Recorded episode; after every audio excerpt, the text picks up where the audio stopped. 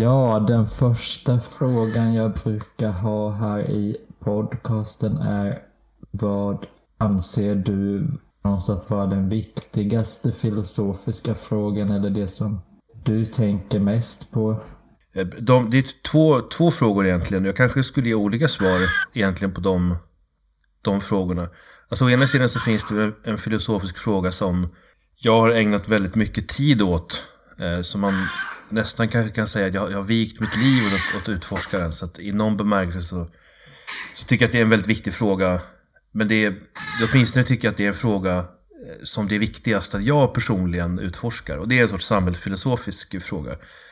Eh, det är svårt att sammanfatta kanske i en mening men kanske någonting i stil med vad är det för fel på moderna mänskliga samhällen och hur kan de fås att utvecklas i en bättre riktning?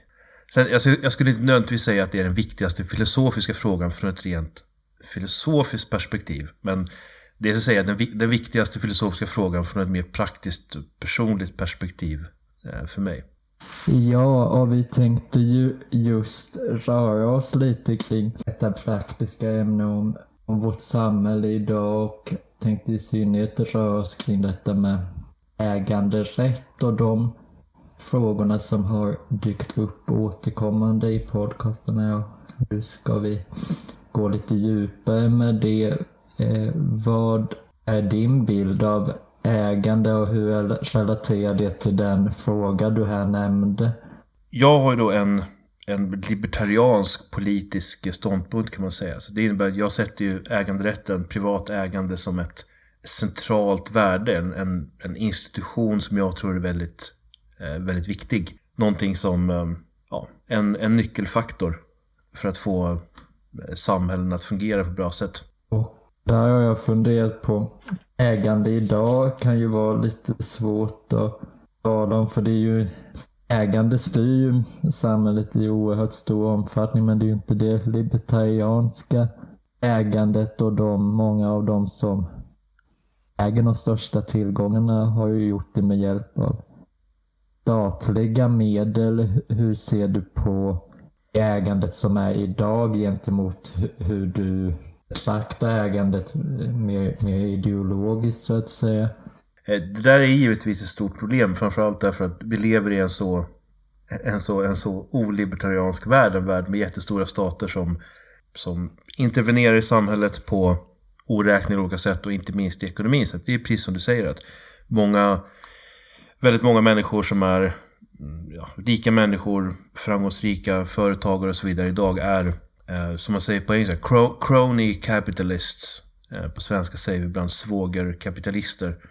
Eh, och eh, de definitivt så måste man ju ifrågasätta huruvida vissa sådana här människor sysslar med ja, legitimt företagande eller om de själva verket sysslar med någon form av eh, avancerad korruption. Definitivt eh, finns det sådana såna gränsfall. Det är ett, eh, det är ett problem som man måste brottas med som libertarian. Ja, för ägande idag om man skulle tänka sig att det blir mer libertarianskt om man börjar från hur egendomen nu är fördelad. Det är ju på något sätt som att de som har tillgångarna skulle hitta någon väg i det systemet som är ganska likt det vi ser nu. Men det gäller ju i och för sig också det motsatta, att de hittar sin väg i samhällen som präglas mer av stater så det är väl kanske ett allmän ideologiskt problem att man, man hela tiden ändå utgår från att man ändå hela tiden fortsätter på det som redan råder. Man, man har definitivt alltid det problemet. Eh, det tror jag att du har rätt i. Alla liksom politiska idéer, eh, alla radikala ideologier och sånt där. Eh, man kan inte göra en ja, man kan inte börja om från någon sorts eh, tabula rasa och ta bort alla institutioner och relationer och sånt där som, som existerar. Men för att liksom utveckla lite, lite grann kring det här då, så tror jag att jag ser inte det här som ett... Um, det är definitivt ett problem, det är värt att ta på allvar, det är värt att reflektera över och uh, det är definitivt värt att peka ut att liksom, den eller den personen är egentligen ingen riktig kapitalist utan han är mer än liksom, en korrupt liksom, politiker-typ som, som bygger sitt företagsimperium på liksom, skumma politiska kontrakt och, och det ena och det andra.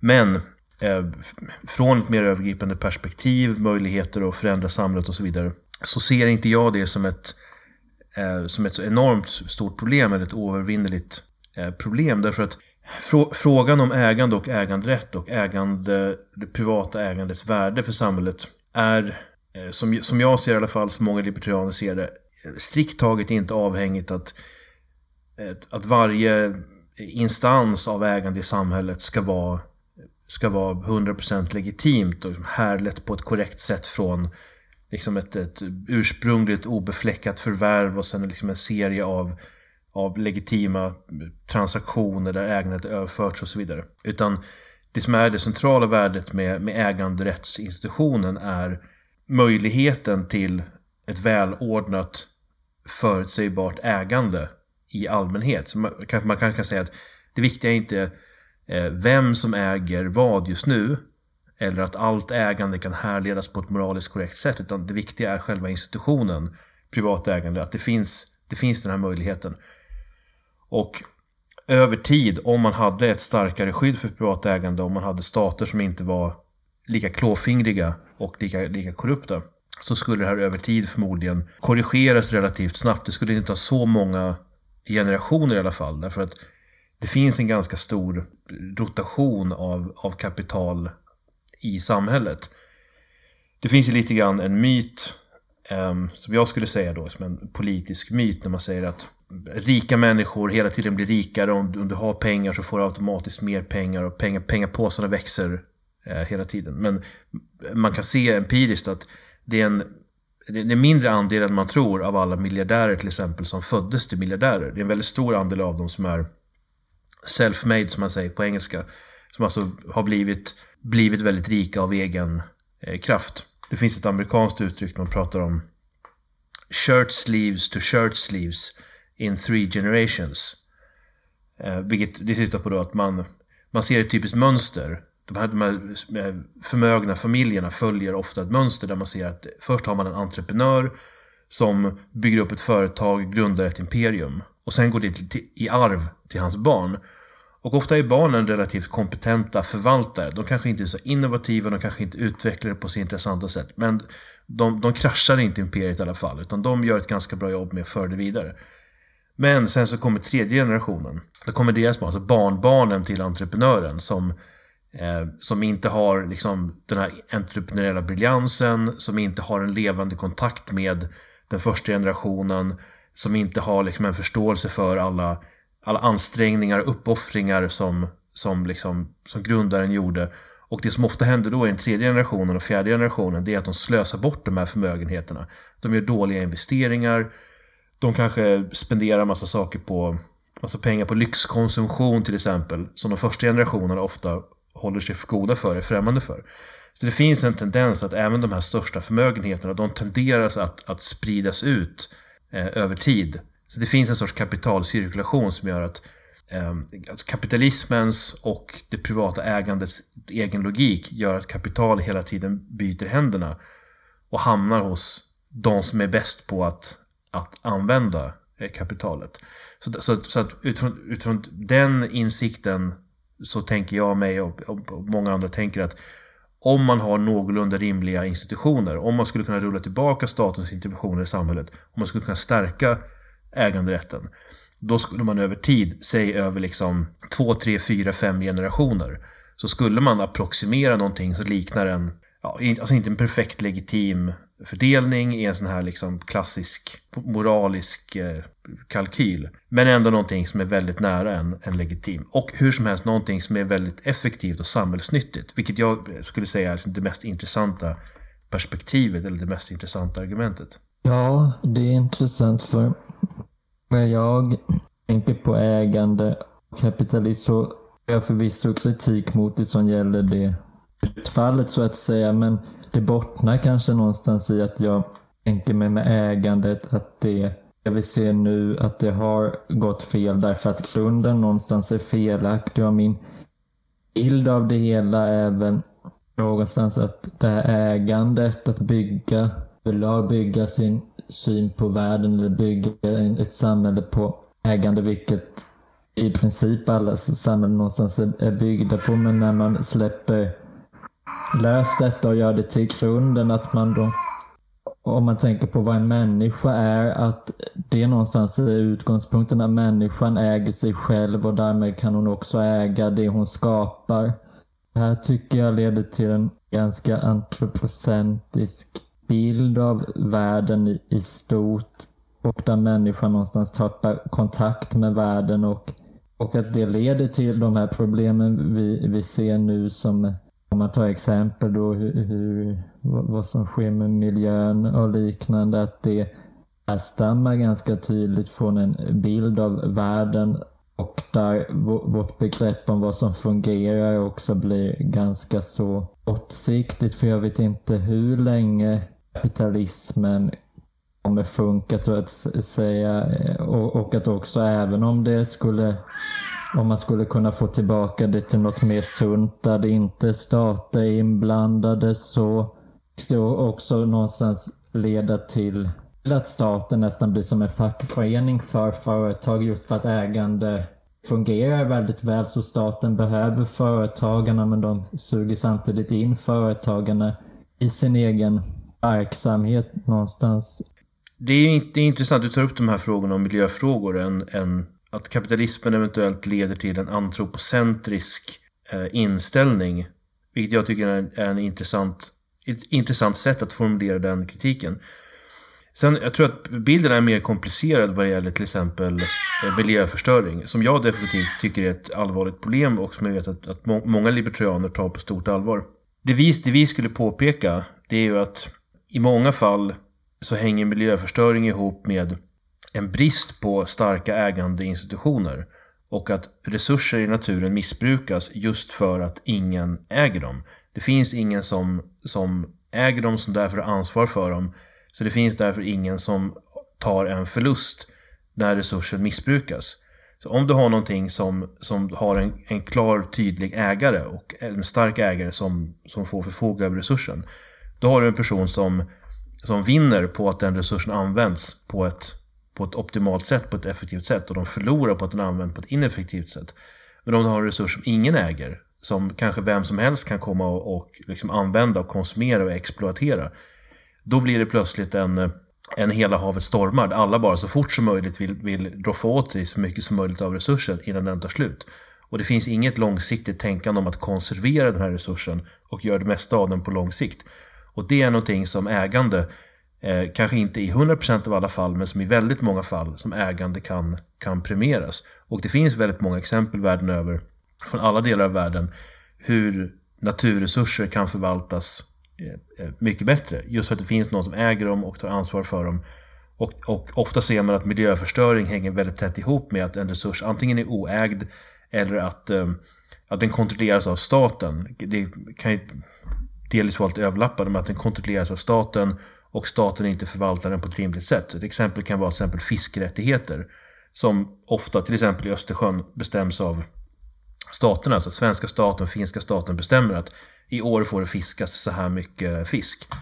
Och de verkar ofta fatta, fatta väldigt dåliga beslut så att haven blir utfiskade. Och man har sådana problem med internationellt vatten där ingen äger någonting, fiskrättigheter regleras lite vagt.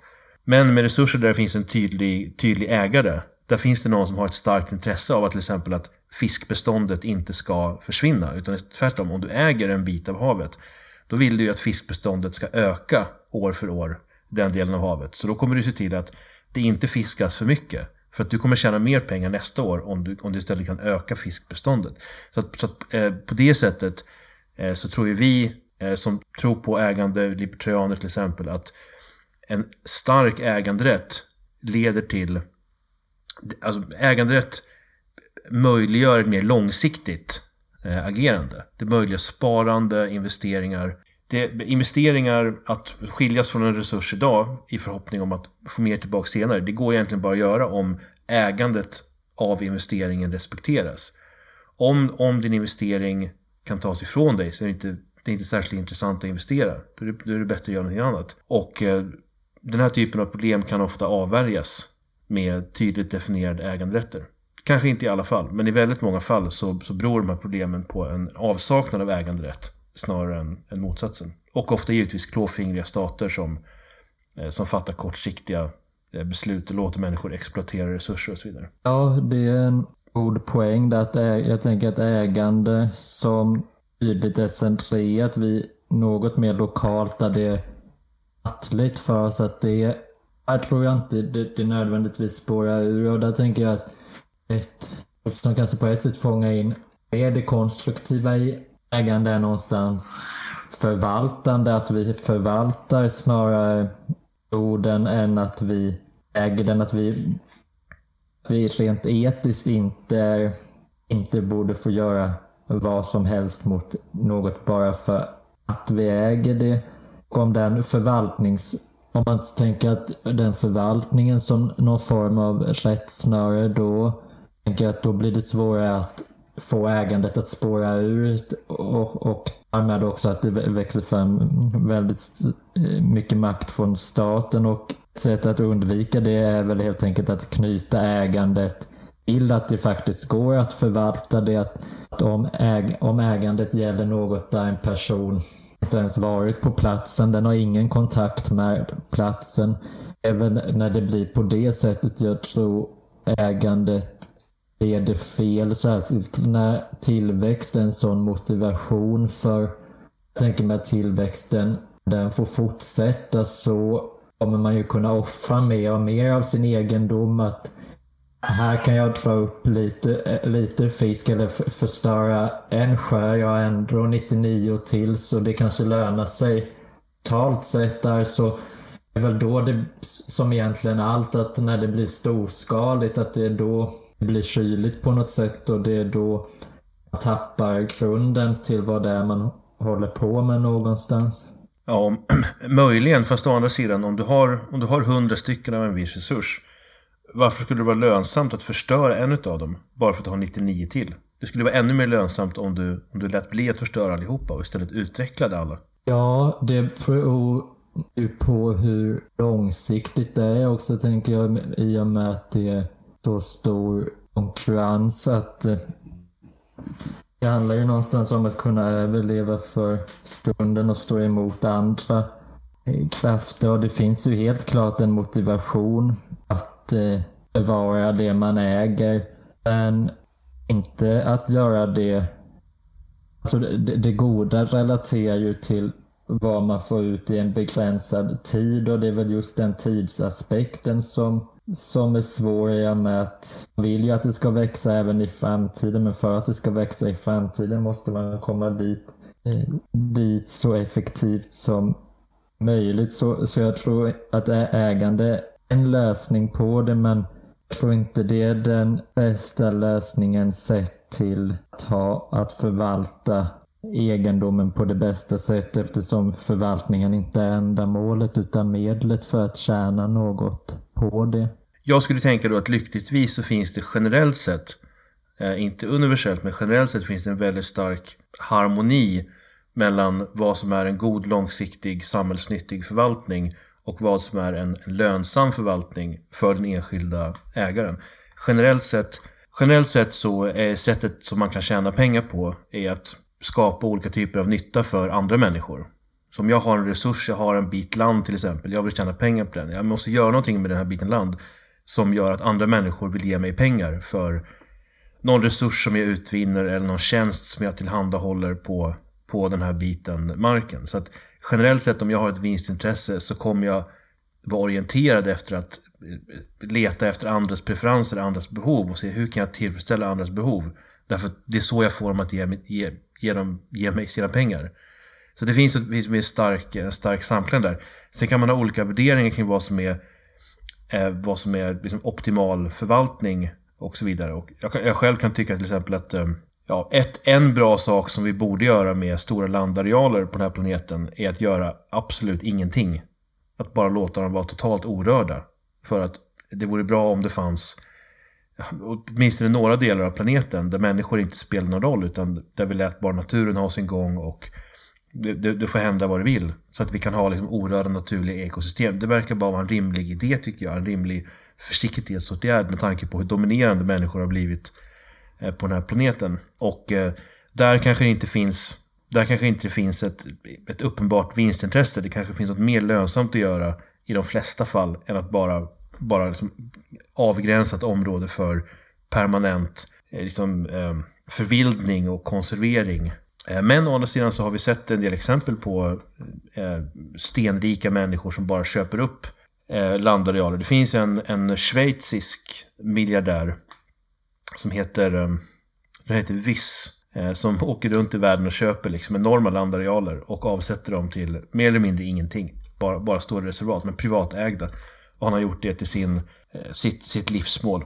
Så det är också, skulle jag säga, det är en positiv sida av liksom privatägande och kapitalism. Att vissa människor kan, kan också använda de här ackumulerade rikedomarna till den typen av intressanta projekt som är inte nödvändigtvis egennyttiga, som de kanske inte kommer tjäna maximalt Eh, med pengar på. Men i vissa fall så händer det ganska, eh, ganska intressanta saker. Ja, verkligen. Och den möjligheten kan ju leda till mycket gott, men det som bekymrar mig är väl att tycka att en kulturs roll någonstans är att bromsa upp vissa mänskliga begär men att om tillväxten är så inbyggd i, i själva civilisationen och också i kulturella värderingar så finns det inte så mycket som stoppar den här förstörelsen. Det finns den absoluta mekanismen du talar om att ifall det verkligen vore ett, om man säger ett mer jordat ägande, då vore det enklare för man vill inte förstöra det man tjänar på. Men där är det också, ser jag också ett problem i att när man tänker att man ska tjäna pengar på, på det, då når man ut till en viss mängd människor. De människor som i största omfattning kan, ja helt enkelt är villiga eller kan köpa det man har att sälja. Och där är det ju många människor som inte ingår i det. Och inte bara människor, många djurarter som inte ingår i det. Och som och jag skulle också säga att det finns ett egenvärde också i just naturen. Och det du nämnde där att bevara ekosystem och så. att det kan ju ske också inom den kapitalistiska logiken men jag ser nog inte att det finns ingen, ingen egentlig uppmuntran till det sätt till hur systemet är utformat. Nej, det är som så mycket annat så förutsätter det att det finns människor som har de värderingarna och de prioriteringarna som väljer att använda resurser på det sättet. Men å andra sidan, den situationen har du alltid, oavsett vilket system du har, så måste du ha människor som fattar, fattar kloka beslut. Att använda resurser på, på kloka sätt. Och man måste ju fråga sig vad som är alternativet, till exempel till ett kapitalistiskt eh, system. Och det är inte, det är inte så att eh, världens stater har ett fantastiskt track record om att eh, bevara bevara naturresurser och eh, låta, låta vilda djur och växter leva i fred och så vidare. De största miljöbovarna på planeten är stora stater. Den kinesiska staten är väl förmodligen den som, den som förstör, förstör naturen allra mest. Och det är liksom ett, eh, de har väl någon form av kapitalism, men det, det är ett väldigt, eh, det är det kinesiska kommunistpartiet eh, som, som hetsar fram en, en otrolig exploatering av, av naturresurser. I Kina, även i, även i Afrika förmodligen, där de håller på och koloniserar. Så frågan, är, så frågan är om alternativen är bättre, det vill säga stora stater som, som kliver in och försöker ersätta då, eh, marknadslogik och privata initiativ. Nej, det är jag tveksam till om det är det jag tänker finns att göra är väl egentligen som inte heller är helt främmande inom libertarianismen att sluta sig på olika sätt. Att det kan vara att en nation sluter sig eller ännu hellre något ännu mindre sluter sig. Men att gå tillbaka mer till grunden. Att gå tillbaka till vad det är som krävs för att överleva mer långsiktigt. Ehm, för även om det libertarianska skulle kunna funka i sig så är det just det att jag tror man behöver distansera sig både från stater och företag i detta för det alltihopa är så inneslutet i ett destruktivt system där jag också tycker det är svårt att särskilja stat och företag eftersom företag jag tror att företag många gånger välkomnar staten, att det inte behöver vara någon konflikt mellan stat och företag utan att de många gånger kan vara förlängning av varandra. Ja visst, det är, det är en sorts eh, ondskefull eh, symbiotisk eh, relation definitivt. Det är ofta så att, eh, att företag är de som initierar eh, regleringar att det är företag som lobbar fram en viss, att staten ska reglera deras egen bransch till exempel. Exempelvis då för att de vet att om, om, om den här enorma regleringsbördan påförs på vår bransch, eh, det kommer vi klara någorlunda bra, men våra konkurrenter, våra små konkurrenter som försöker komma upp och bli, bli som oss, de kommer inte ha råd med så många jurister, lobbyister och allt vad de behöver för att klara regleringarna. Så det, är, det är väldigt vanligt att företag tar initiativ till att alltså, i princip förstöra sina egna marknader. För att, för att eh, ja, till exempel då för att klämma åt sina eh, konkurrenter. Och det är ju ren, ren, en ren korruption. Så ibland är det staten som initierar, ibland är det företagen, men i slutändan så är det en sorts, en sorts eh, symbios. Det finns ju också många företag, stora delar av ekonomin, som är helt eller nästan helt fristående, som inte har så mycket med staten att göra, som inte... Liksom, de, de betalar skatt, liksom, kanske har lite regleringar, men, men de står relativt fria. Så finns det andra branscher som är totalt genomkorrupta, där det inte finns liksom, ett enda företag som, som inte har den här typen av incestuös relation med, med staten. Det kan vara det militärindustriella komplexet i sig, ett klassiskt exempel på en riktigt, riktigt skum, skum bransch som knappast kan sägas vara en privat bransch egentligen eftersom 99% av deras kunder är staten och eh, vem, vem är det egentligen som bestämmer? Är, är det liksom staten eller är det de här stora militärföretagen som i praktiken är, är extremt viktiga eh, verktyg för staten och eh, intrycket man får ofta är att det, det militärindustriella komplexet som kanske beställer ett krig. Nu måste vi sälja lite mer mat- militärmateriel så nu får vi dra igång ett nytt krig. Det varnas ju för redan eh, Eisenhower när han avgick som president i USA. När det var 60, början av 60-talet så tror jag att det var. Så varnade han för det här i sitt, sitt avskedstal om att det här var, det här var ett jättestort hot. Så att vi har ju vi har definitivt enormt mycket sådana såna problem i, i det samhällssystem som vi har idag.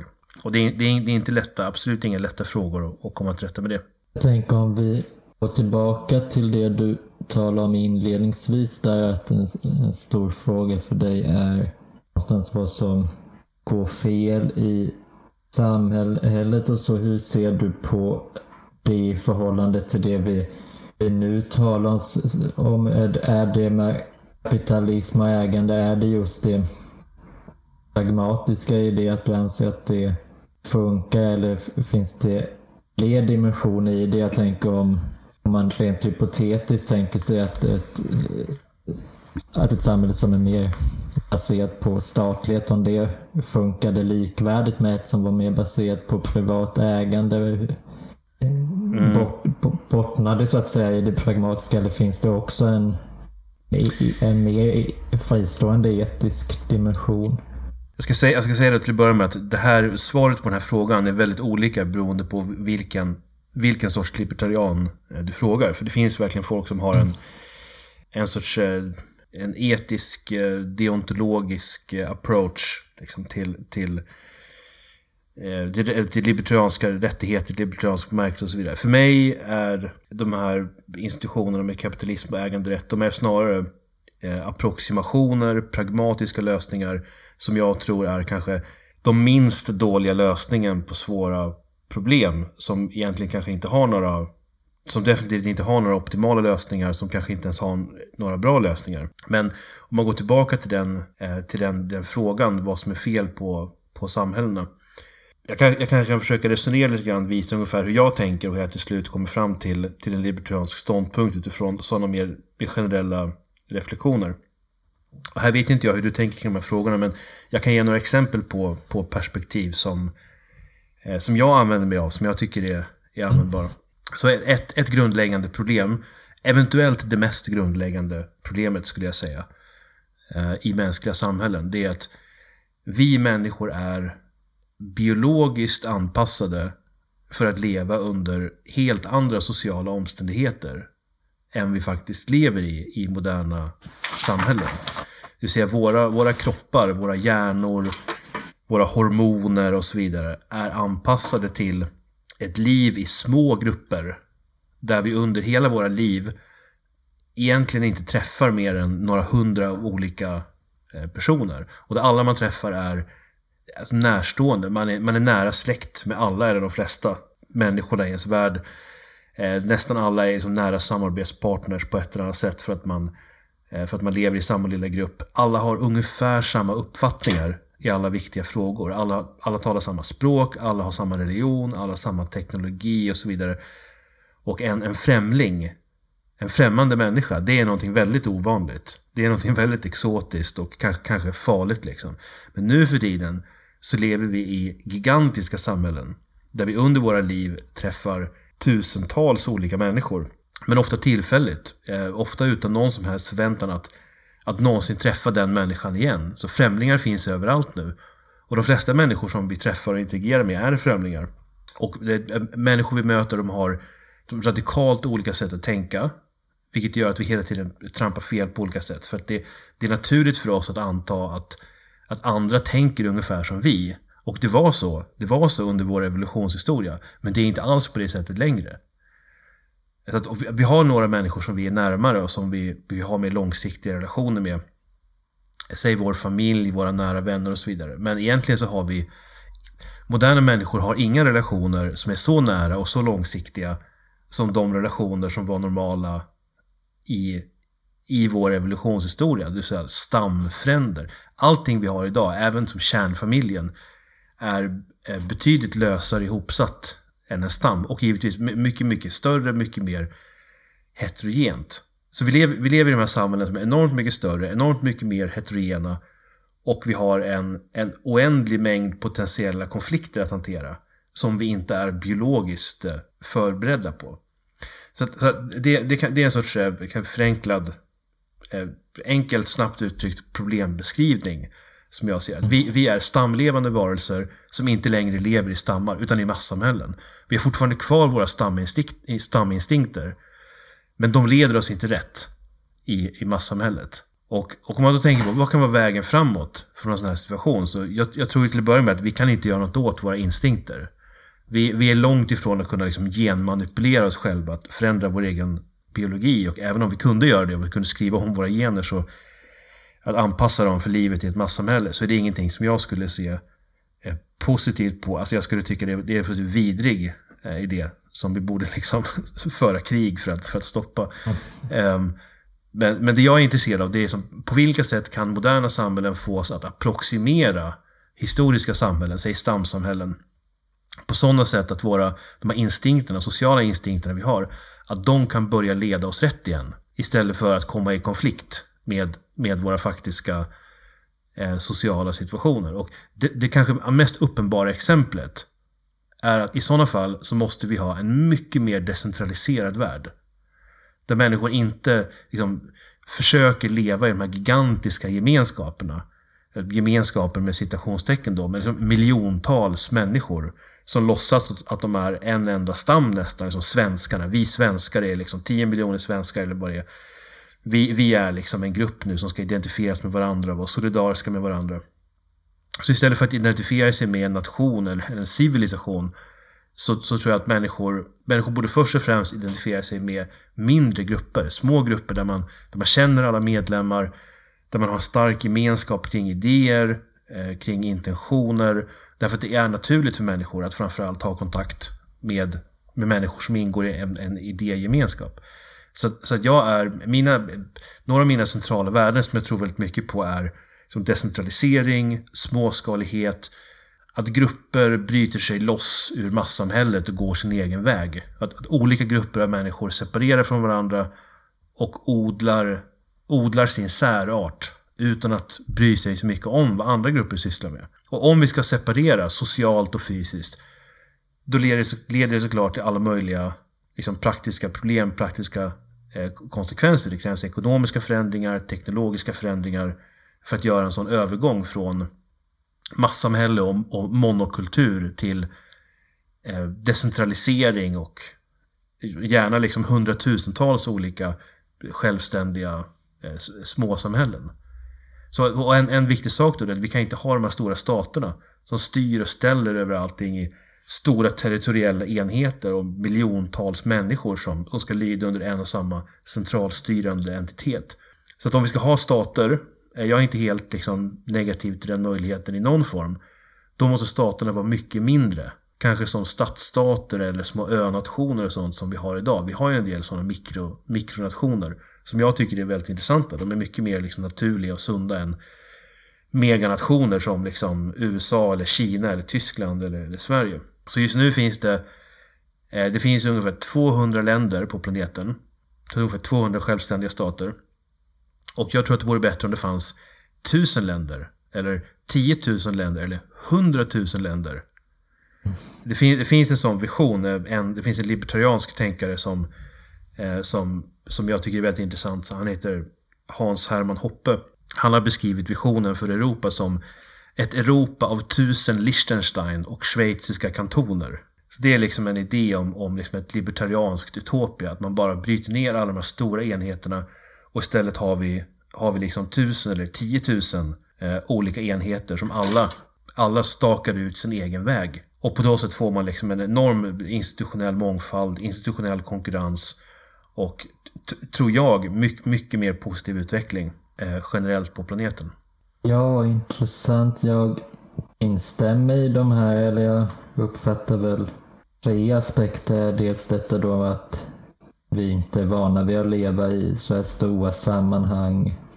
Därför centralisera och att staten så sett blir en stat i den form vi ser dem nu på så sätt blir en naturlig fiende och jag instämmer helt i alla de här tre aspekterna. Vad jag funderar på är det är väl att ägandet ser jag ju ha en eh, positiv dimension där i bemärkelsen att man måste kunna ha en bit mark och att den verkligen är gruppens egna mark för att kunna, kunna stå stark och överhuvudtaget kunna överleva. Men just kapitalism och ägandet i den formen ser jag som tillhörande det här eh, storskaliga. Så kanske om vi talar lite mer om detta. Vad, vad är kapitalism? Eh, hur, hur skulle du beskriva det? Är det just detta privata ägandet eller är det någon mer dimension i det eftersom jag förmodar nu utifrån vad du sagt att du ändå ser det som något i alla fall mer decentraliserat än vad staterna har att erbjuda. Det, det är lite knepig fråga förstås. Mm, Det finns, det finns såklart några olika definitioner av, av kapitalism. Ehm, en, om man ska ta någon bara sån där enkel liksom, approximativ definition så kanske man kan säga att eh, kapitalism är ett system där det är möjligt att äga kapital och att överföra ägande av kapital mellan, mellan människor. Och kapital är ett ganska abstrakt begrepp som man kan förenkla och säga att kapitalism är ett system där människor kan äga företag. Så att om man kan äga och sälja företag, då råder det kapitalism. Det skulle jag säga som en första approximation, en rimlig definition av, av kapitalism. Ja, det är en bra definition tycker jag för då är det väl väl det med företag just att där skapar man ju en social gemenskap men där det primära någonstans är något annat än det sociala. Och det är väl, väl det som är det återkommande för mig både med ägande och kapitalism att det, det blir, plötsligt blir det sociala eh, och eh, marken man lever på plötsligt blir det medel till livet. Och när, när, de, när det som egentligen borde vara ändamål blir till medel, det är då jag tror människan har en tendens att spåra ur för då glömmer hon bort egentligen hela sitt ursprung någonstans. Nej, men jag, jag, jag sympatiserar verkligen med den, den tanken och den, den oron. Och i den här typen av libertariansk vision som, som, som jag har och som andra har. Det, det man tänker sig är ju inte att allting, allting i hela samhället på hela planeten ska vara organiserat enligt, enligt kapitalistiska principer. Som sagt, alltså jag ser kapitalismen som en sorts approximation, som en sorts pragmatisk lösning, en minst dålig lösning och sånt där. Vi kanske kan återkomma till det, men eh, Det finns så många andra faktorer som också möjliggörs av det privata ägandet som är liksom den mer, enligt min mening då, den mer fundamentala principen. Eh, det är någonting som jag försvarar mer helhjärtat och som jag ser som oerhört djupt och, och viktigt. Eh, kapitalistisk organisationsform, produktionsformer är någonting som är mer, mer kanske ett nödvändigt ont Eller något åt det hållet. Det, det som är egentligen det absolut viktigaste för mig, det är det som du sa alldeles nyss. att För att man ska kunna ha en grupp som är autonom, för att man ska kunna ha en plätt mark där man gör sin egen grej. För att det ska vara möjligt så måste man ha privat ägande. Det finns inget annat system som möjliggör suveränitet för små grupper. Annat än liksom att du utropar en egen stat eller sånt där. Men det är ju väldigt svårt i, i vår tid att utropa en egen stat och bara bli suverän eh, på det sättet. Så, så det enda realistiska sättet för det att hända är att man, man använder sig av privat ägande inom ramen för någon relativt tillåtande statsbildning. Det finns väldigt många exempel på folk som gör väldigt uppbyggliga saker eh, på det sättet. Men det är ju liksom individer kan äga saker och, och Eh, vinna självständighet och göra saker på det sättet. Eh, grupper kan göra det. Eh, det finns väldigt mycket mark till exempel som ägs inte av egentligen en vinstdrivande företag och sånt där utan mer av en kanske en boendekooperation än eh, ja, eh, någon, någon typ av, kanske som i Sverige har man bostadsrättsföreningar. Eh, där, där man har en entitet som äger huset och som inte handlar om att liksom, tjäna så mycket pengar som möjligt. Utan det handlar om att förvalta en fastighet på ett sätt som är bra för de, de som bor där. Och på samma sätt så finns det eh, samfälligheter som kontrollerar eh, liksom, kanske by, eh, bysamfälligheter och så vidare. Det kan struktureras på olika sätt men i grunden så måste ägande finnas där för att man inte ska bli överkörd av någon, någon eh, ut, utomsocknes. Historiskt har det också funnits andra jättestora maktfaktorer i samhället som kyrkan till exempel. Som har ägt väldigt mycket mark, eh, Eh, som har ägt andra resurser och varit en eh, Alltså jag skulle inte säga en, en, en positiv kraft, en enbart positiv kraft, men åtminstone en balanserande kraft som inte har varit staten och som inte har varit eh, men, en del av den kapitalistiska sfären utan som varit någonting annat. Och allt det andra, civilsamhället, är någonting som, som jag tror framförallt kan blomstra i ett, i ett system där det finns ägande framförallt.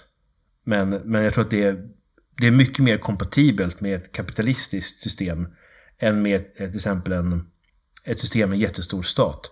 För det vi ser, det vi ser i liksom, Sverige är ett bra exempel, men det vi ser i stora västerländska stater är att staten har i hundratals år, bit för bit, tagit över saker som civilsamhället tidigare har skött, skött autonomt. Alltså saker som man tidigare skött inom bygemenskapen, inom familjen, kanske inom kyrkan.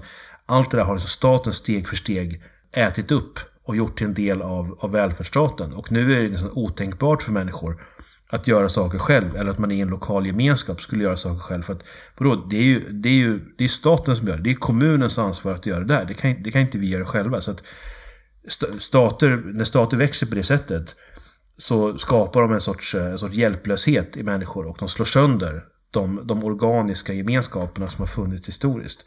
Så att, så att jag ser ju staten framförallt som det största hotet mot organiska gemenskaper, mot civilsamhället, mot möjligheten att organisera saker på ett annat sätt. För att nu får vi bara liksom en, en, ett enda sätt att organisera allting. Eh, nämligen liksom staten, den, den offentliga sektorn och, eh, och hela, hela det systemet. Så, det, så, att, så det är ju det är lite så jag ser på alternativen och då, då chansar jag mycket hellre på ett system med en mycket mindre stat som inte har den här, den här eh, regleringsapparaten, välfärdsstaten och så vidare. Utan där det är, där det är liksom mer kapitalism och fritt och man har annat problem. Då får man istället tampas kanske med mer av kapitalismens inneboende problem. Men jag är inte alls lika rädd för dem som jag är för de stora staternas inneboende problem. Jo, verkligen. Staten har ju väldigt passiviserande kraft gentemot människor och jag ser väl över, överlag med vi talar om här när, när något kommer utanför, alltså när människan glömmer vad det är hon håller på med, när hon glömmer sin, sin gemenskap. Det är väl, väl det också, det du nämnde där förut med att eh, människan inte är van vid att leva så är att leva med främlingar att biologiskt att människan har glömt sin gemenskap och då söker hon substitut i staten eller substitut i, i andra större abstrakta eh, enheter på något sätt. Och Ja, jag tror det är riktigt att man måste, alltså för att bryta sig ur detta, för att kunna skapa något eget så krävs det ju någon typ av ägande eller att man, man beter sig i alla fall som om man äger något. Men det man måste se upp med i det ägandet är väl så att det inte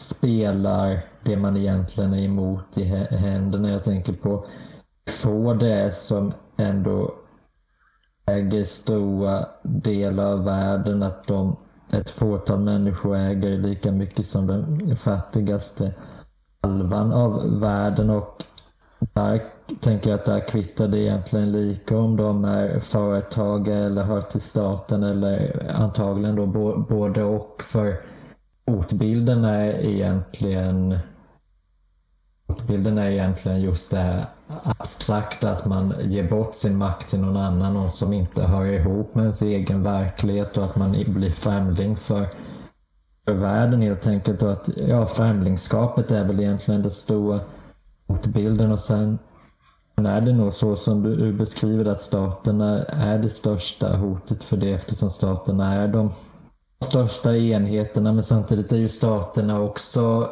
böjer ju de sig, som vi var inne på förut också, den här symbiotiska relationen, att staterna böjer sig ju för företag, också eh, så, så det viktiga är kanske egentligen inte där vad som är det Alltså, vad den, den onda är eftersom det onda visar sig i många skepnader. Men helt enkelt vad är målet? Och målet är någonstans det, det verkliga. Att kunna svara för sitt eget liv. Att kunna svara för sin egen överlevnad. Mm.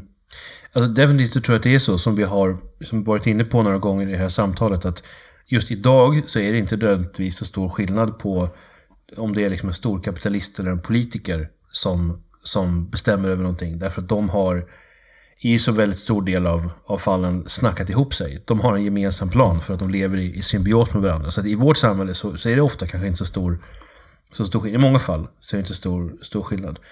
Och definitivt så är det ett problem, alltså även jag skulle säga att alltså, eh, jag ser ju centralisering som det kanske mest centrala problemet, definitivt som ett av de, de absolut centrala problemen. Och jag ser decentralisering som den önskvärda lösningen, som den nödvändiga vägen framåt om någonting, någonting ska, ska bli bättre. Det finns ju några saker som jag tycker ändå är värda att, är värda att ta upp. Och en, en sån sak är att var, varför är de här företagen eh, så stora? Varför, varför blir vissa företag så stora och dominerande? Och en väldigt viktig bidragande orsak är just de här allianserna som de gör med staten. Så att om man på något sätt kunde komma till ett tillstånd där det inte var möjligt för företag att exploatera statens makt och använda statens tvångsmakt för att tillskansa sig större marknadsandelar, eh, trycka ner konkurrenter och så vidare. Och i vissa fall man ta rena, rena subventioner. Vissa företag sitter och mjölkar miljarder från staten i rena, rena transfereringar från, från skattebetalarna. I bailouts av företag som krisar och så vidare. Så riktigt perversa saker. Men om man tänker sig, om man kunde komma till en situation där det inte var möjligt för företag att göra så. Skulle företag i det, det läget kunna bli så stora? Skulle de kunna bli så stora och dominerande om de inte hade staten i ryggen och kunde använda staten som ett eh, som, som sitt, liksom hemliga, inte hemliga, men som sitt, eh, sitt supervapen. Och mitt svar är förstås, ledande fråga, mitt svar på den frågan är förstås nej. Jag tror inte alls att vi skulle ha lika stora dominerande företag om, om de inte kunde använda sig av staten. Så det är just den här symbiosen. Den här symbiosen perverterar entreprenörskap, privat företagande som är egentligen mycket mer uppbyggliga, mycket mindre problematiska krafter än vad, de i praktiken är idag på grund av den här oheliga eh, alliansen. Och sen en annan sak som jag ändå skulle säga är en skillnad mellan de här två typerna av entiteter det är att även i den här liksom svågerkapitalistiska äckliga symbiosen så är det generellt så att eh, du, har, du har eh, mycket större möjligheter att, eh, att inte associera dig med kapitalister som du inte gillar. Medan du inte kan säga nej tack till, till politiken. Du kan inte säga nej tack till staten och säga att ah, jag, tror jag, jag tror jag struntar i att betala skatt och jag struntar i era regleringar. Jag hoppar av ert system och gör min egen grej. Men vad gäller företag så kan du liksom generellt sett, ibland är det krångligt, men generellt sett kan du säga liksom att nej, jag väljer att inte vara kund till er, jag väljer alternativ istället, jag tänker leva utan, utan era tjänster. Det kanske är svårt att leva utan, utan Google, men det finns folk som gör det också. Och generellt sett så, så eftersom din, din relation bygger generellt sett på frivillighet i hög utsträckning, när du interagerar med kapitalisten, men den bygger aldrig på frivillighet när du interagerar med, med politiken. Och det är ändå en stor skillnad, en stor praktisk skillnad, en stor moralisk skillnad. Eh, om man har en moral som omfattar eh, liksom självbestämmande och eh, kanske icke-aggressionsprincipen, den typen av den typen av idéer. Men det är en ganska stor skillnad ändå. Så jag skulle inte säga att det är, att det är hugget som stucket. Vilken typ av, av, av centralisering som det handlar om. Just det. Eh, jag tänker, vi går tillbaka lite till aspekt vi talade om förut. Detta när vi talar om vi som ska vara, eller vi som lever under staten och, vi, och våra möjligheter någonstans att, att ta oss utanför staten eller vilken enhet du är. Eh, och det jag sa där om antropocentrisk, att det finns något antropocentiskt i kapitalism. Vad tänker du kring det? Det är så att säga, är det människan vi, vi talar om här enbart eller hur, hur, tal, hur kan man betrakta naturfenomen eller andra arter och så. Vad har du för tankar kring det?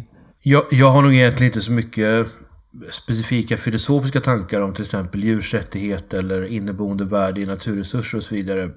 Eh, det är någonting som jag inte har tänkt eh, så väldigt mycket på. Men rent pragmatiskt tror jag man kan konstatera att djur och andra delar av den icke-mänskliga naturen har ingen förmåga att företräda sina egna intressen gentemot människor.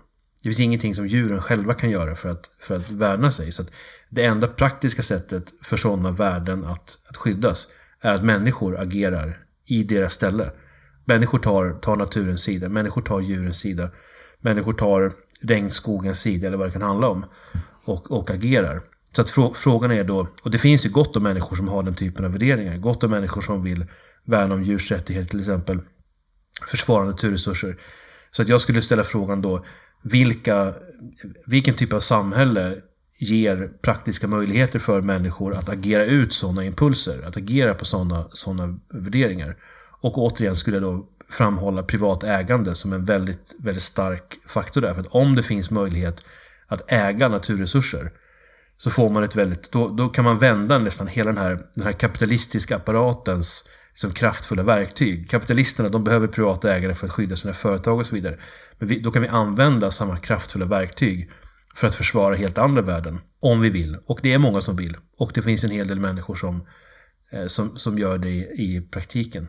Just i praktiken om man jämför befintliga samhällen så kan det säkert vara så att det ja, där, där människor med de här värderingarna kan få det inflytande. Vad som jag tänker på med det är väl att, att det finns eh, inneboende värderingar i ägandet som gör att, att människor inte agerar på det sättet i så stor omfattning. För min tanke kring ägande och det som eh, väl går tillbaka till att jag ändå har lite svårt att se det som den lösningen, i alla fall på ett etiskt plan, är att, att ägandet någonstans börjar i att människan har något i sig själv.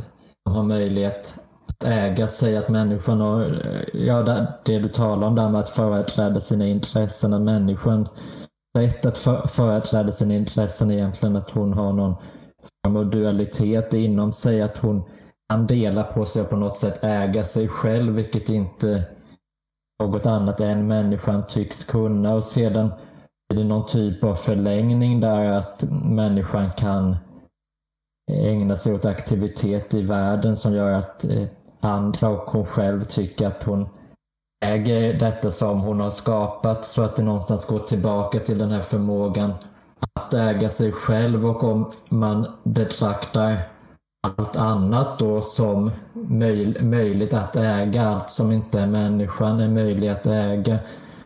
Så tycks det som, tycker jag att det får någon lägre ställning per definition eftersom vi har byggt vårt värde kring ägande då. Så, det, så jag ser ägande som en nödvändighet men jag tror att ägandet kommer för, få för central etisk plats att det leder till, till en värld där människans jag eh, så att säga äger sig själv och sen ja, sträcker det sig längre och längre ut men att det, det kan, i ett sådant system kan bli svårigheter med, med rättigheter till djur och rättigheter till naturfenomen just på grund av den inneboende etiska logik jag tycker mig se där.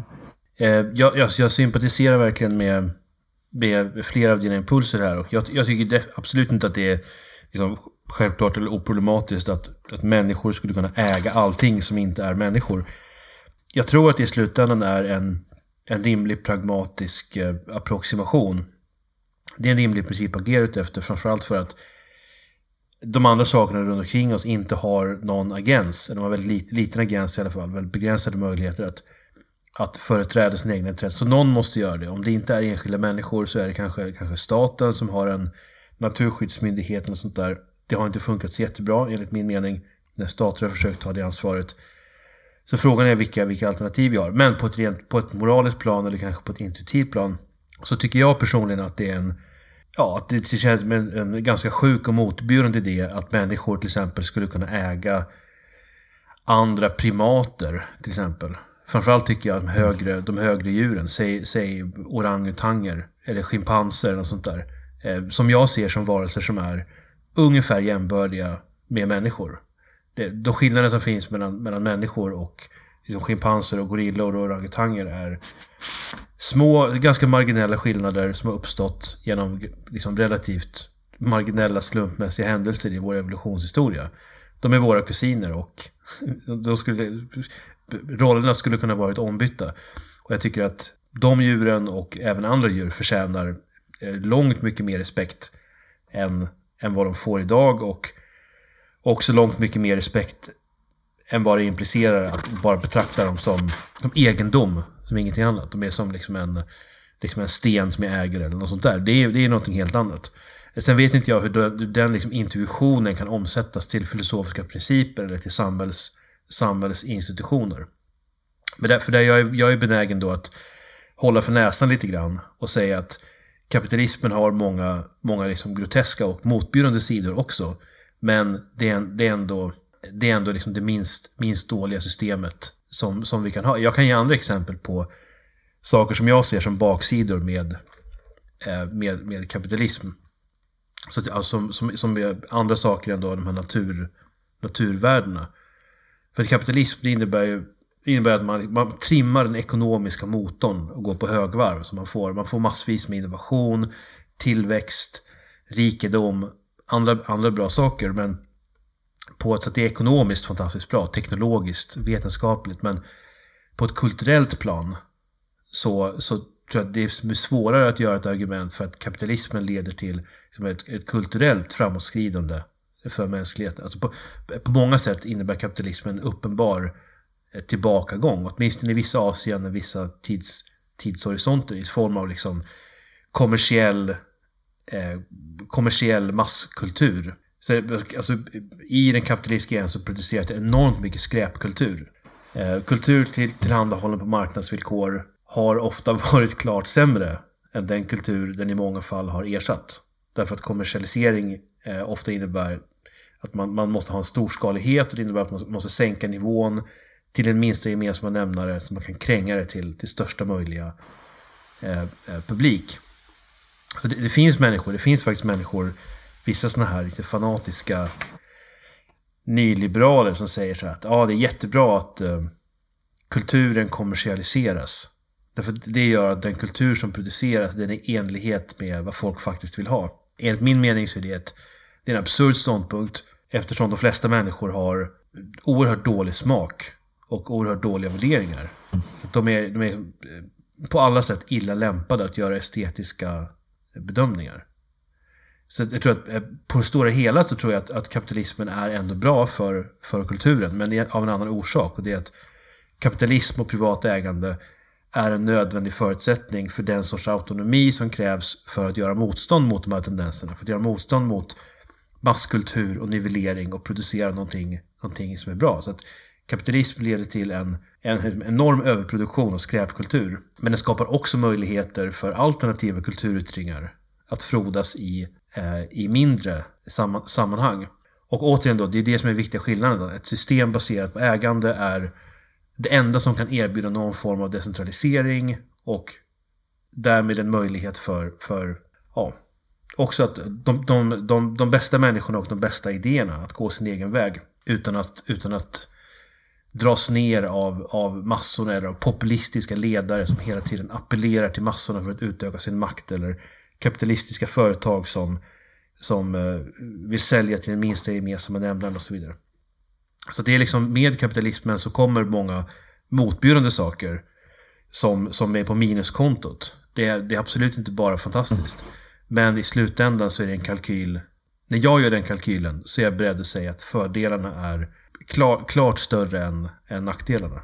Ja, det är en intressant sak överlag med kapitalism. För jag tänkte på det nu när du talar. Jag kommer att tänka på en sån sak som yttrandefrihet också. Hur det i regel finns i, i kapitalistiska samhällen. Så att säga att det är, mycket, är ju bevisligen mycket enklare än i socialistiska länder då. Eh, men en intressant sak med det tycker jag att det är lite som att det kvittar i kapitalismen lite vad människor gör. Att det finns nödutgångar i kapitalism, vilket jag instämmer i att det är en positiv sak. Men de här nödutgångarna tänker jag finns också för att människor är benägna att just inte tacka nej till kapitalismen. Och det kan man ju tycka på ett sätt, det visar på kapitalismens fördelar att folk inte rymmer från de här lönngångarna fast möjligheterna finns. Men det är väl just långsiktigt problemet bildas också. Det du nämnde här, här tycker jag är väldigt viktigt. Det med kulturen, att det förslappar människor mer och mer. Att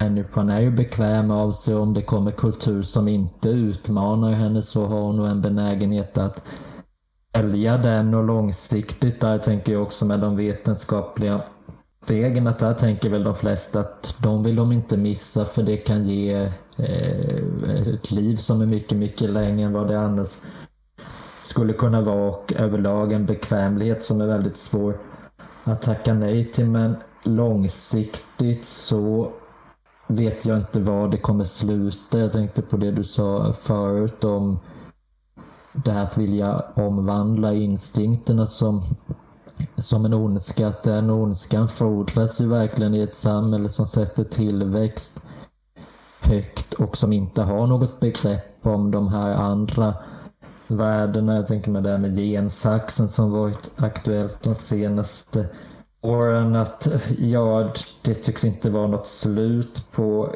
kapitalismen eller vad man nu ska kalla det. Det blir kanske lite eh, väl generaliserande att bara kalla det för kapitalismen, den här oerhörda centraliseringen som kapitalismen är en del av i alla fall. att var, det kommer sluta någonstans och det är väl där jag kommer in på radikala lösningar som väl för, förvisso är mycket i, mycket i samma spår som det du talar om med decentralisering. Men jag tänker mig väl en decentralisering där det också kan eh, krävas att ta till medel från en stat. För jag tänker att nationalism är ju egentligen inget man uppskattar om man på allvar är för decentralisering. Men samtidigt att inte vara för nationalism leder ju samtidigt också till att man faller ut i, i globalismen snarare. Så det är väldigt svårt att veta vilka eh, aspekter så att säga, i, i samhället man ska ta till sig. Men, men, i alla fall den, den radikala lösning jag kommit till är väl någonstans att, att, för att för att komma till de här mindre samhällena måste vi också skärma oss från det teknologiska någonstans eh, i någon bemärkelse. Hur, hur ser du på det? Teknologins roll? Teknologin representerar eh, på sätt, på sätt och vis ett helt eget problem. En hel, en hel enorm rymd av olika, olika problem. Givetvis kan man säga sammanlänkad med eh, liksom kapitalismens logik, om inte annat för att kapitalismen befrämjar eh, teknisk utveckling. Jag är definitivt en person som är orolig för vissa eh, tekniska utvecklingar som jag tror har spårat ur. Men då kommer spåra ur, pricken har redan spårat ur. Ett exempel är det som du nämnde med gensaxen. Den typen av teknik med genmanipulation och så vidare. Nu är det inte framförallt liksom kapitalistiska entiteter som driver på den utvecklingen utan de som ligger längst fram är, är stater, jag tror att framförallt den kinesiska staten ligger allra längst fram med att liksom, klona fram nya sorters supermänniskor och sånt där. Jag tror att de öppet nu skapar genmanipulerade människor. De, de har några experimentella gener som de planterar in. Just nu är det ganska harmlösa saker. Jag tror att de, de har en gen som ska ge immunitet mot aids, mot hiv och aids. Som de har som exempelgen. Men givetvis så kommer de försöka liksom skapa mer intelligenta människor. Kanske mer liksom lo eh, lojala människor som är mer trogna partimedlemmar i Kina och, och vad det är för någonting. Och det där, det där för mig är det som en nattsvart mardrömsscenario. Oerhört farligt och eh, deprimerande och, och, och tänka på. Det finns enormt många risker. Alltså existentiella risker mot hela mänsklighetens överlevnad. Men jag skulle också säga att det finns andra, andra problem, till exempel utveckling av artificiell intelligens. Där vi nu börjar skapa datorsystem som är så kraftfulla att vi inte längre förstår vad de gör och vi kommer snart inte längre ha kontroll över vad, vad de, de mest kraftfulla AI-systemen gör. Och där kan man också få en, en, en, en väldigt, väldigt snabb katastrofal utveckling som kan leda till, till enormt negativa konsekvenser som existentiella hot mot mänskligheten. Kanske utan att vi ens liksom hinner, hinner stanna upp och analysera problemet. Jag har faktiskt sagt det, jag är ju ganska extrem libertarian, men jag sa faktiskt det för några veckor sedan i en annan podcast att det finns, det finns ett område där jag ändå skulle förespråka liksom egentligen bara maximala mängder statliga regleringar. Och det är, jag tog det som exempel, artificiell intelligens.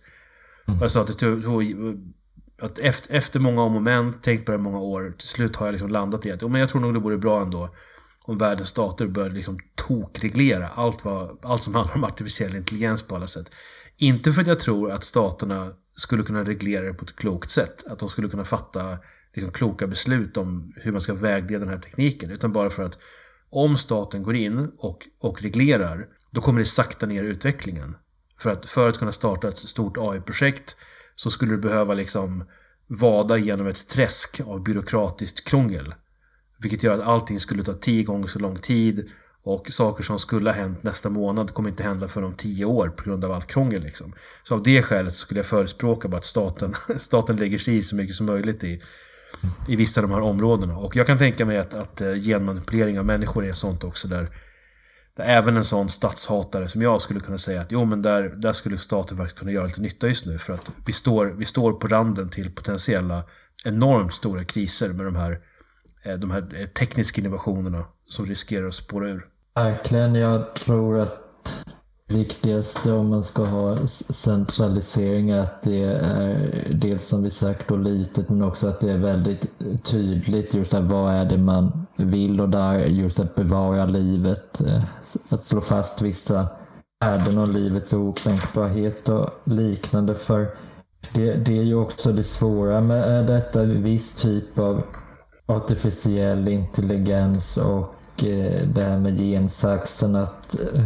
folk som jag kan riktigt höra det för mitt inre redan nu att människor som ifrågasätter detta om det är funktionellt att det kommer ses som väldigt galet att hur, det, det med aids och att man börjar med det att hur kan någon vara emot att man tar bort aids? Och eh, är de för att barn föds sjuka och liknande att det det, det är väl också det, det, mest intressanta tycker jag med vår tid och med, med den här centraliseringen oavsett om det är stat eller kapitalism. att Målet någonstans är att ge, ge människor sånt de inte kan tacka nej till för att människan är för kortsiktig för att kunna tacka nej till det. Och det generellt sett och det långsiktiga, långsiktiga får får inte plats för det, det har fallit i glömska på något vis. Mm. Sen är frågan eh, vad, vad som är eventuellt då liksom gångbara motkrafter mot de här tendenserna. Jag hör, jag hör ju du trycker här en del eh, ganska misantropiska idéer om, om människor. Människor har liksom en del negativa tendenser. Människor är bekväma, människor är lättlurade de faller liksom för det kapitalistiska tricket och de gör inte särskilt mycket motstånd när, eh, när staten trycker ner sin stövel på dem heller.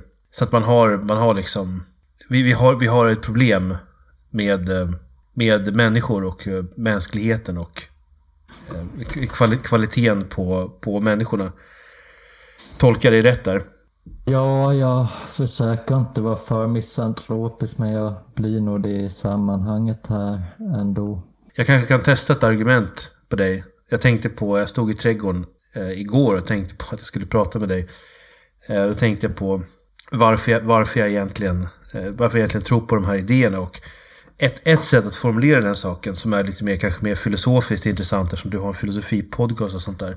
Är att eh, på sätt och vis så är, är den här idén, för mig så är det en lösning på ett, ett av de klassiska mångtusenåriga filosofiska problemen. Nämligen hur man organiserar ett samhälle för att åstadkomma någon form av meritokrati. Hur ser man till att de bästa människorna styr? De människor som åtminstone i någon utsträckning höjer sig över, över mängden. Och, och det är här jag ser egentligen kanske mitt mest centrala argument för, för kapitalism och äganderätt är att de, de institutionerna är den, den minst dåliga approximationen till en lösning på det, det klassiska problemet. Och man kan ju gå tillbaks då Eh, man, man, kanske egentligen skulle önska sig någonting i stil med vad Platon eh, beskriver.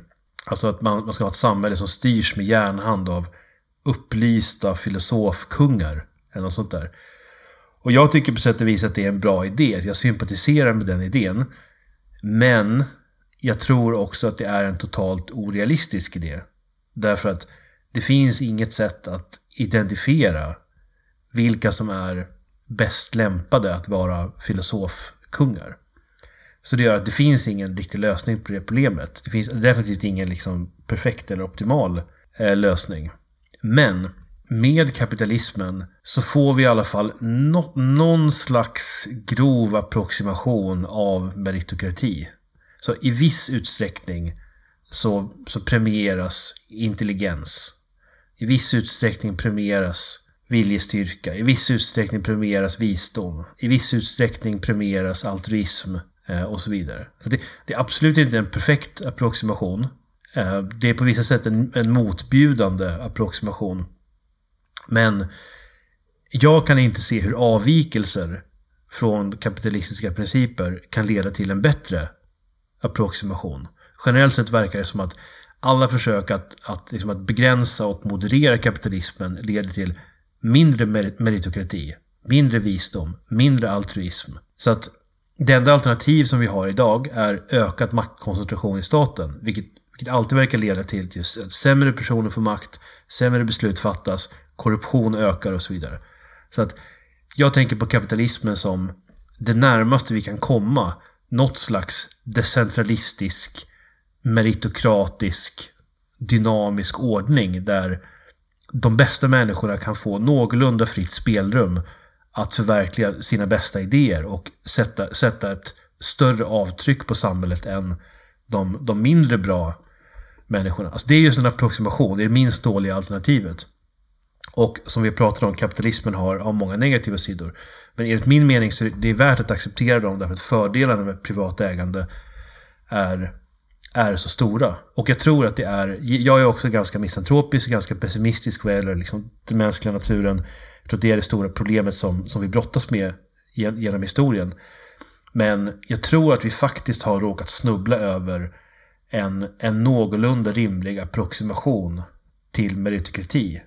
Och, och det, är i alla fall, det är i alla fall den idé som jag har. att jag tror det bästa är att hålla för näsan och acceptera den här eh, mycket, mycket ofullständiga men ändå minst dåliga pragmatiska approximationen. Ja, i valet där mellan kapitalism och mer att lösa den genom stat landar jag väl egentligen inte i något särskilt men om vi tänker oss att jag skulle landa i, i en mer kapitalistisk lösning så skulle jag därifrån vilja fråga att var någonstans då den här kapitalistiska lösningen möjlig. Och där tänker jag väl att man också kan förena någonstans det med, med det statliga eller det som i alla fall kunnat bevaras via det statliga, via nationen. Där att för, för jag ser det som ett stort problem just det fria företagsamheten, internationalism, att det gör människor så chanslös och det splittrar upp människan så mycket. Eh, just det, så jag tänker att en lösning där om man tänker sig att ägande har de här konstruktiva sidorna, vilket jag, jag tror att finns i det helt klart. Eh,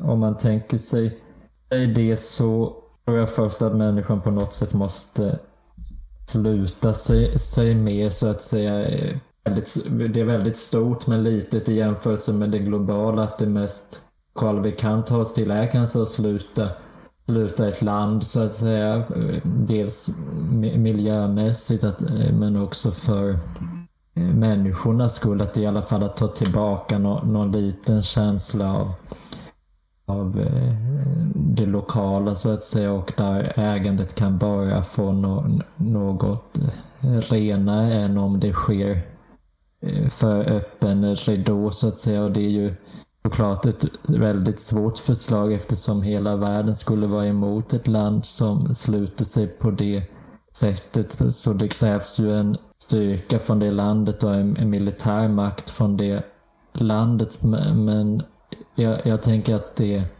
den idén du presenterar, att den skulle nog komma mest till sin rätt i något som har slutit sig på det sättet. Vad tror du om det? Mm. Eh, vä väldigt intressanta tankar. Alltså till att börja med, alltså, den här starka internationalistiska eller globalistiska tendensen är ju ett oerhört stort problem, ett oerhört ett hot mot, mot mänskligheten. Och det är den exakta motsatsen till vad jag tror på som en, alltså som en radikal decentralist. Jag tror på, på maximal decentralisering, maximal subsidiaritetsprincip det är ett ord som missbrukas av, av, av EU och så vidare. Men det är, det är en sund idé i grunden. Du, du, var inne på det här med nationalism. Att det finns en sorts eh, finns en dubbelhet i nationalismen. Å ena sidan, som jag var inne på tidigare också, så är nationen en alltför stor enhet för att det ska vara naturligt för människor att samlas kring en nation. För att vi är, vi är, liksom, vi är byggda för att solidarisera oss med, med mycket mindre grupper än, än en nation i, i modern bemärkelse. Samtidigt så är nationen ett steg i rätt riktning jämfört med, jämfört med, med globalismen. Eh, det är någonting som, som pratas om ibland i våra kretsar. Och jag hörde en, en föreläsning här om året av, av eh, Hans-Herman Hoppe som jag nämnde tidigare. Han hade en liten historisk utläggning när han pratade om nationalismen och sa att på 1800-talet i Europa så var nationalismen en, en, en, alltså en mycket destruktiv kraft. Därför att då hade man nationalistiska rörelser som, som eh, slog sönder den gamla ordningen av småstater, alltså vad vi skulle kalla för mikrostater i Europa. För att istället skapa de här stora entiteterna som Tyskland till exempel. Som var dussintals eller hundratals småstater för inte så länge sedan. Italien som bestod av, av massor med små länder. Och sen hade man de här nationalistiska rörelserna som centraliserade något oerhört. Och skapade moderna Tyskland, skapade moderna Italien och så vidare. Eh, så på den tiden var ju nationalismen en väldigt, en väldigt negativ kraft. Men i vår tid så är nationalismen snarare en, en positiv kraft. För att nationalism idag det är att säga mitt land ska gå ur EU och slå sig fri. Eller kanske säga att vi, vi ska inte lyssna så mycket på vad FN säger. Eller vi ska inte vara med i NATO för att vi ska sköta vårt eget försvar och inte, inte gå in i någon gigantisk imperialistisk eh, militärallians och så vidare. Så att Idag är nationalismen en positiv kraft för att den drar i en decentralistisk riktning. Medan på 1800-talet så var den en negativ kraft för att den drog i en centralistisk riktning.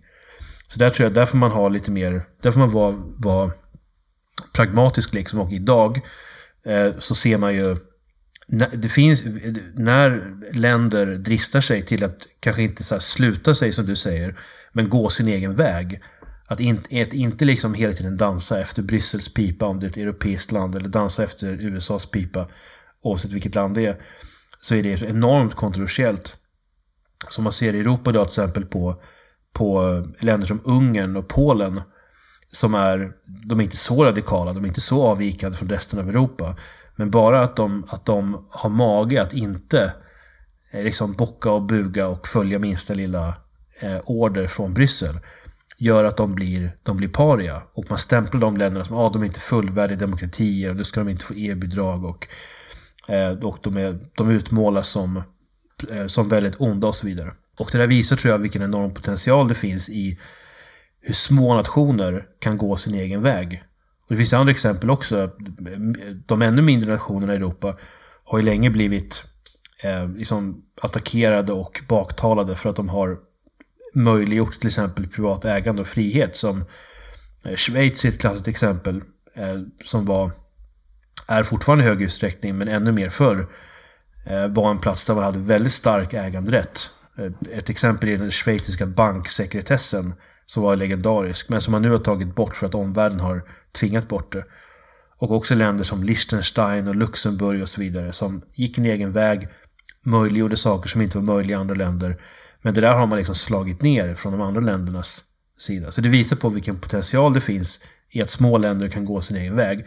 Men det visar också på, som du är inne på, att det är väldigt svårt för de länderna att försvara sig. Och om det kommer till kritan, om det verkligen liksom, om de verkligen är, är i konflikt med, med omvärlden, så, så är det väldigt svårt. Det är väldigt svårt för ett litet land att vinna en militär konflikt givetvis mot, mot en, en, en ilsken omvärld. Men jag tycker, jag tycker att vi ska eh, titta ännu, ännu längre ner för att nationalismen är, det är bättre än globalismen. Men vad som vore ännu bättre vore en mer radikal liksom, lokalism. Och människor kunde skapa andra gemenskaper, skapa andra strukturer som är liksom, på, en, på en lägre nivå än nationen. Ännu mer, ännu mer decentraliserade än nationen. Och kanske hitta vissa nationer som tillåter en högre grad av självorganisering och decentralisering inom deras, deras jurisdiktion.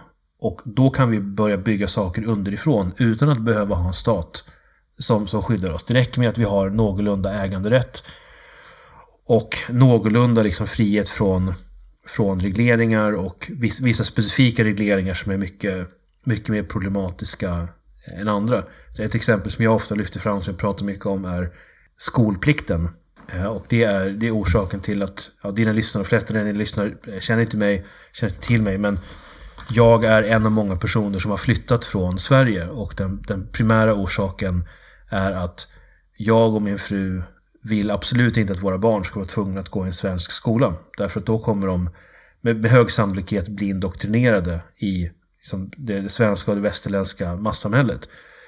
Vi är intresserade av att bygga någonting annat, att skapa en egen kultur och vara en del av andra gemenskaper. Och därför vill vi, vill vi sköta våra barns uppfostran och utbildning på ett annat sätt. Efter eget huvud, tillsammans med andra familjer som, som tänker som vi och så vidare. I Sverige är det här helt förbjudet. Men det finns länder där, där det är tillåtet, där det åtminstone är praktiskt eh, möjligt. Och om du kan göra en sån sak, om du kan kanske äga en plätt mark någonstans, samla ett antal familjer som är, som är likasinnade, kanske bilda en liten bygemenskap eller något åt det hållet. Börja uppfostra barnen på ett annat sätt, kanske organisera sina ekonomiska verksamheter på ett annat sätt. På det sättet så kan man, kan man bygga väldigt mycket decentralisering och bygga väldigt mycket frihet för sig själva. Helt på egen hand utan att, utan att behöva några som helst liksom, politiska beslut eller ens politisk backning för en specifika projekt. Man behöver bara någorlunda liksom, rimlig, välvillig jurisdiktion som man, kan, som man kan verka inom. Ett visst mått av privat ägande, försvar för äganderätten, ingen skolplikt, eh, någorlunda rimliga skattenivåer och så vidare. Liksom. Men det där är någonting som finns. Det finns ganska många länder där man kan göra den här typen av projekt och faktiskt börja bygga saker själv underifrån. Vi behöver inte vänta på någon politisk revolution för att börja göra de här sakerna.